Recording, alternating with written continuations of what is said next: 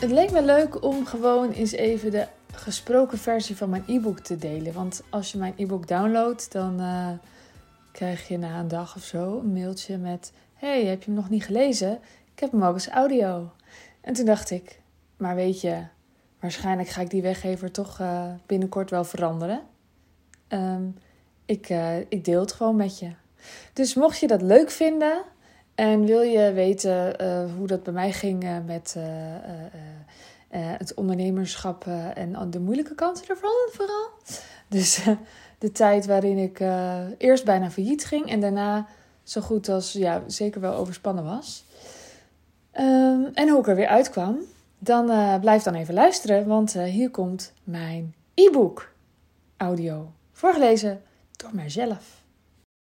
Hey, wat leuk dat je luistert naar mijn e-book, wat het natuurlijk meteen een luisterboek maakt. Ik had het e-book geschreven en daarna bedacht ik, ja, als jij meer rust in je bedrijf nodig hebt, dan voel je misschien helemaal niet de ruimte om het e-book te lezen. Dus je kunt hem nu ook luisteren. Misschien tijdens het koken, misschien tijdens het werken, misschien tijdens het sporten, wat dan ook. Het e-book heet Meer rust in je bedrijf met deze bouwstenen. Ik ben Sandy Zachte en ik uh, coach ondernemers. Ik noem mezelf ondernemersbevrijder. En ik ga het e-book gewoon helemaal lekker integraal voorlezen. Dus zit lekker, sta lekker, wandel lekker, wat je ook aan het doen bent. Uh, ik ben aan het werk hier, jij mag lekker luisteren. Zes stenen.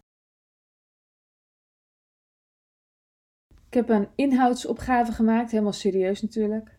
Systemen, 2 is team, 3 is aandacht, 4 is plezier, 5 is experimenteren en 6 is leiderschap. Ik een intro, overspannen en bijna failliet. Ik wil je even vertellen hoe ik bijna failliet ging, het bedrijf binnen een paar maanden weer op winst stond, ik overspannen raakte omdat ik volledig overgenomen werd door mijn bedrijf en ik een paar maanden later wat alweer overzicht en rust had. Ik vertel je de zes dingen waar ik aan gewerkt heb om van altijd werken naar rust en overzicht te gaan en tegelijkertijd meer winst te maken dan ooit. Het gaat om, zoals ik al noemde, systemen, team, aandacht, plezier, experimenteren en leiderschap aan elkaar stapel. Mijn werkdagen zien er tegenwoordig totaal anders uit dan voorgaande jaren. Je bedrijf is geen bezigheidstherapie, doe alleen wat echt nodig is. Op dit moment lig ik in bed te typen, want mijn bed is fijn joh. Hij kan omhoog en omlaag en zo vet cool. Daarnet was ik met een vriendin mee naar het ziekenhuis om een onderzoekje te doen en dat kan probleemloos, geen stress. Dat is wel eens anders geweest. Ik dacht dat mijn talent was dat ik gewoon heel hard kon werken efficiënt en snel. Achteraf gezien is dat onzekerheid. Ik kan eigenlijk niets, dus ik werk maar gewoon hard en dan ben ik van waarde. Nu zie ik dat mijn waarde uit andere dingen komt. Keihard werken is een heel goed idee als je net een bedrijf begint, maar het is op de lange termijn niet goed voor je. Voor niemand. Maar wanneer komt dan het moment om minder hard te werken? Sneller dan je denkt. En hoe werk je dan minder? Uitbesteden. Maar, hoor ik je denken, daar heb ik geen geld voor. Ik snap de gedachte, ik dacht het ook lange tijd. Inmiddels weet ik, het kost veel meer geld om niet uit te besteden. Jij bent namelijk veel te duur om te doen wat je nu allemaal doet. En ja, ook als je bijna niets naar jezelf overmaakt. Daar kom ik later op terug. Vorig jaar ging ik bijna failliet. Ik had een team, maar die was heel groot, veel te groot. Het team was zo snel gegroeid en het lukte me niet om iedereen in zo'n korte tijd precies het meest nuttige te laten doen, waardoor we financieel konden groeien. Het liep er sneller uit dan in. Helaas kon ik de meeste contracten niet verlengen. Dat is op zich al heftig genoeg, maar daarna stond ik ook nog 20.000 euro in de min. Ik kan niet uitleggen hoe ik me toen voelde. De stress gierde door mijn lijf. Bij willekeurige mensen op straat dacht ik: zij hebben vast niet zulke erge problemen als ik. Ze hebben vast niet zo'n enorme schuld. Heel nuttige gedachte. Ik vroeg me af: is dit het me waard? Allerlei scenario's schoten door mijn hoofd. Zal ik een opdracht zoeken als freelancer en zo de kosten dekken? Stop ik er helemaal mee en ga ik een baan zoeken? Hoe spannend het ook was, ik kon voor me zien dat een of andere investeerder het merk over zou nemen en er een succes van zou maken. Ik wist dat het een succes zou kunnen worden.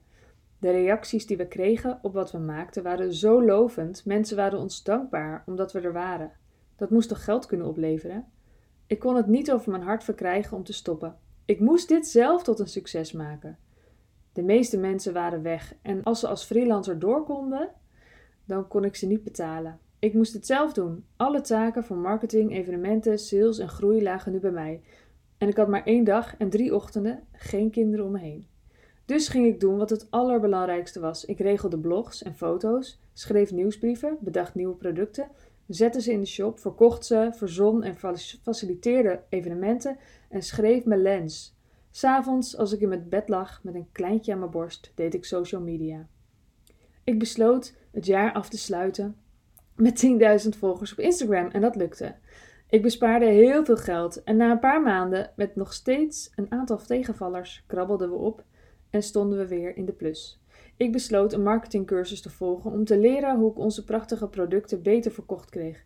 Ik wist namelijk dat de vraag veel hoger was dan de afname. Ik leerde er vet veel van, over wie mijn ideale klant was en dat het allemaal met veel meer impact kon. Ik kon zelf alleen niet meer en ik raakte overspannen. Het was tijd om heel voorzichtig weer te gaan uitbesteden en deze keer wist ik wel hoe dat moest, waar ik mee moest beginnen en welke taken echt bij mij hoorden. Langzaamaan kwam er meer ruimte om waar ik goed in ben nog meer en beter te gaan doen. En zo kwam de echte groei, stapje voor stapje, met veel overzicht en focus. Ik weet nu dat het kan en ik weet dat het geen toeval is of een bedrijf gezond groeit of niet. Ideeën zijn er wel, groeien ook en heel veel, maar dat is niet wat maakt of een bedrijf het redt of niet. Jouw onderneming kan het ook goed doen. Je moet alleen even weten welke bouwstenen er nodig zijn. Zes bouwstenen die zorgen voor meer rust en winst voor jou als ondernemer. Bouwsteen 1: systemen. Toen wij tien jaar geleden begonnen met ons online magazine, moest er zoveel handmatig geregeld worden. Mailsystemen bestonden wel, maar in die tijd stuurden we iedereen dezelfde mail. Nu kun je mensen mailen op het moment dat zij eraan toe zijn. Nog tien jaar eerder moest je mensen een mailtje sturen om te vragen om een betaling. Tegenwoordig fix je een webshop en de facturen worden automatisch gemaakt. Het is bijna niet bij te houden hoe snel de automatisering gaat. Het is jammer dat automatisering zo'n super suf woord is, want eigenlijk is het belachelijk gaaf om de ontwikkelingen een beetje bij te houden. Tegenwoordig kun je alles aan elkaar koppelen en kunnen mensen geïnspireerd worden en leren en hun producten ontvangen en verder met hun leven terwijl jij slaapt. Het is ook belangrijk om een goed systeem te hebben om overzicht te houden in je bedrijf. Als jij niet meer alles doet, moet je wel kunnen zien wat er gebeurt, anders raak je de grip kwijt. Systemen bouwen gaat je uren tijd schelen. En een stap verder, systemen bouwen die ervoor zorgen dat er systemen gebouwd gaan worden, geeft je vrijheid, rust en winst. Dat brengt me op de tweede bouwsteen. Keihard werken is in deze tijd echt niet meer nodig. Slim werken wel. Bouwsteen 2. Team. Je kunt het niet alleen. Je bent creatief en je hebt een product of dienst gemaakt waar mensen lyrisch over zijn, toch? Vertrouw erop dat jouw toevoeging op het creatieve terrein ligt. Jij had ooit een goed idee, inmiddels ben jij keihard dat idee aan het uitvoeren. Misschien zag je anderen het ook zo doen. Misschien weet je niet hoe het anders kan. Hoe dan ook, het is niet nodig. Jij bent nodig op het creatieve vlak. Misschien om meer van dezelfde ideeën uit te voeren, maar misschien juist om weer totaal nieuwe dingen uit te vinden. Alles wat een herhaling van handelingen is, moet jij niet meer doen. Grote kans dat dat ook precies de dingen zijn waar jouw energie van weglekt. En je hoeft niet meteen een multinational te worden, ook een freelancer die een klus voor je doet, hoort bij je team. Tip: als je een team opbouwt, doe dit dan niet te snel. Doe het stap voor stap. Haal adem en kijk steeds wat nu het meest belangrijk is. Bouwsteen 3. Aandacht. Wij ondernemers hebben de neiging te denken dat we niet overspannen kunnen worden. Dus wel dus, zoiets overkomt je zomaar ineens. Misschien herken je het, misschien ben je al lang overspannen. Tijd is een rekbaar begrip. Je kunt heus nog wel een beetje langer doorwerken. Tja, dan kun je deze taak er nog wel bij nemen en die. En daar blijft nog iets liggen, dat kan ook nog wel. Dat is ook wel zo, maar niet te lang en het gaat ten koste van iets anders. Tijd is misschien rekbaar, energie niet. Doe je te veel dingen die je geen energie geven, dan dooft je vuur. Jij bent creatief, dankzij jouw creatiekracht is je bedrijf er en maak je mensen blij met je product.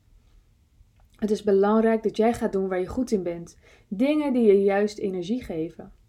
Ik zal de laatste zijn die zegt dat je maar vier uur per week zou moeten werken.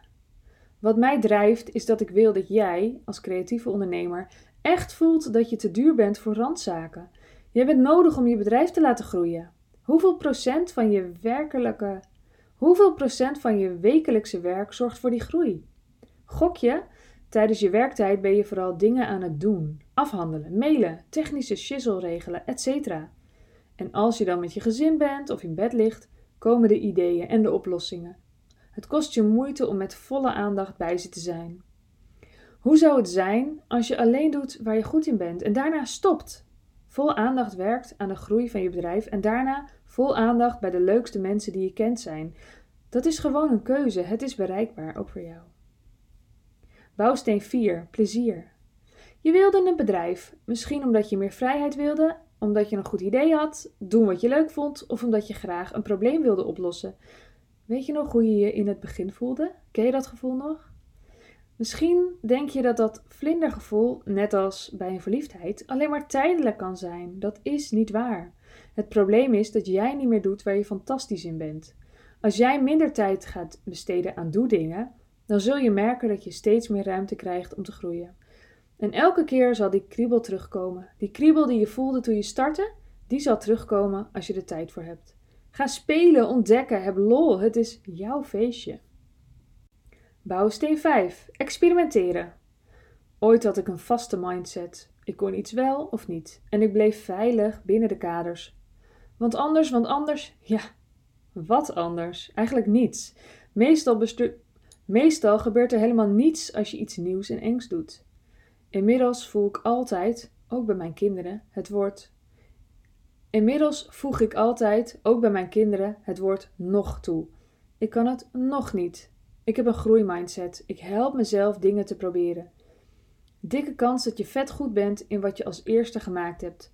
Dat kun je natuurlijk je hele leven doen, maar als ondernemer heb je nou juist zo leuk de mogelijkheid om precies te leren wat jij wil leren. Precies waar je zin in hebt. Als je een beetje op me lijkt, heb je altijd een knisperverse stapel boeken liggen die je hongerig verslindt. Laat je je inspireren door van alles en nog wat en maak je steeds nieuwe sprongen. Tip: maak een documentje aan waarop je doorlopend al je inzichten opschrijft.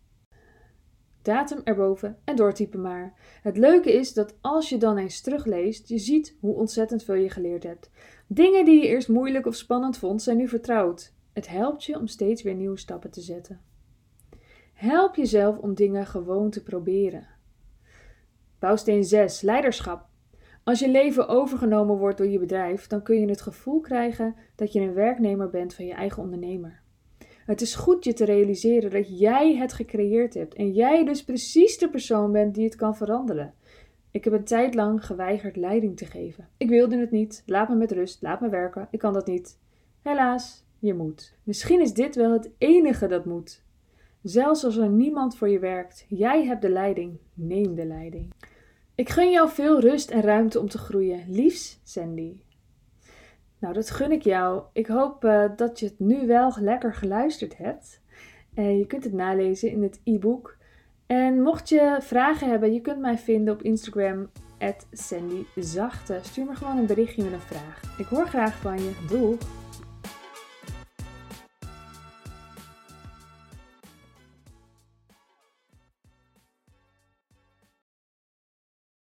Wil jij bouwen aan 10 keer meer eigenaarschap over je leven?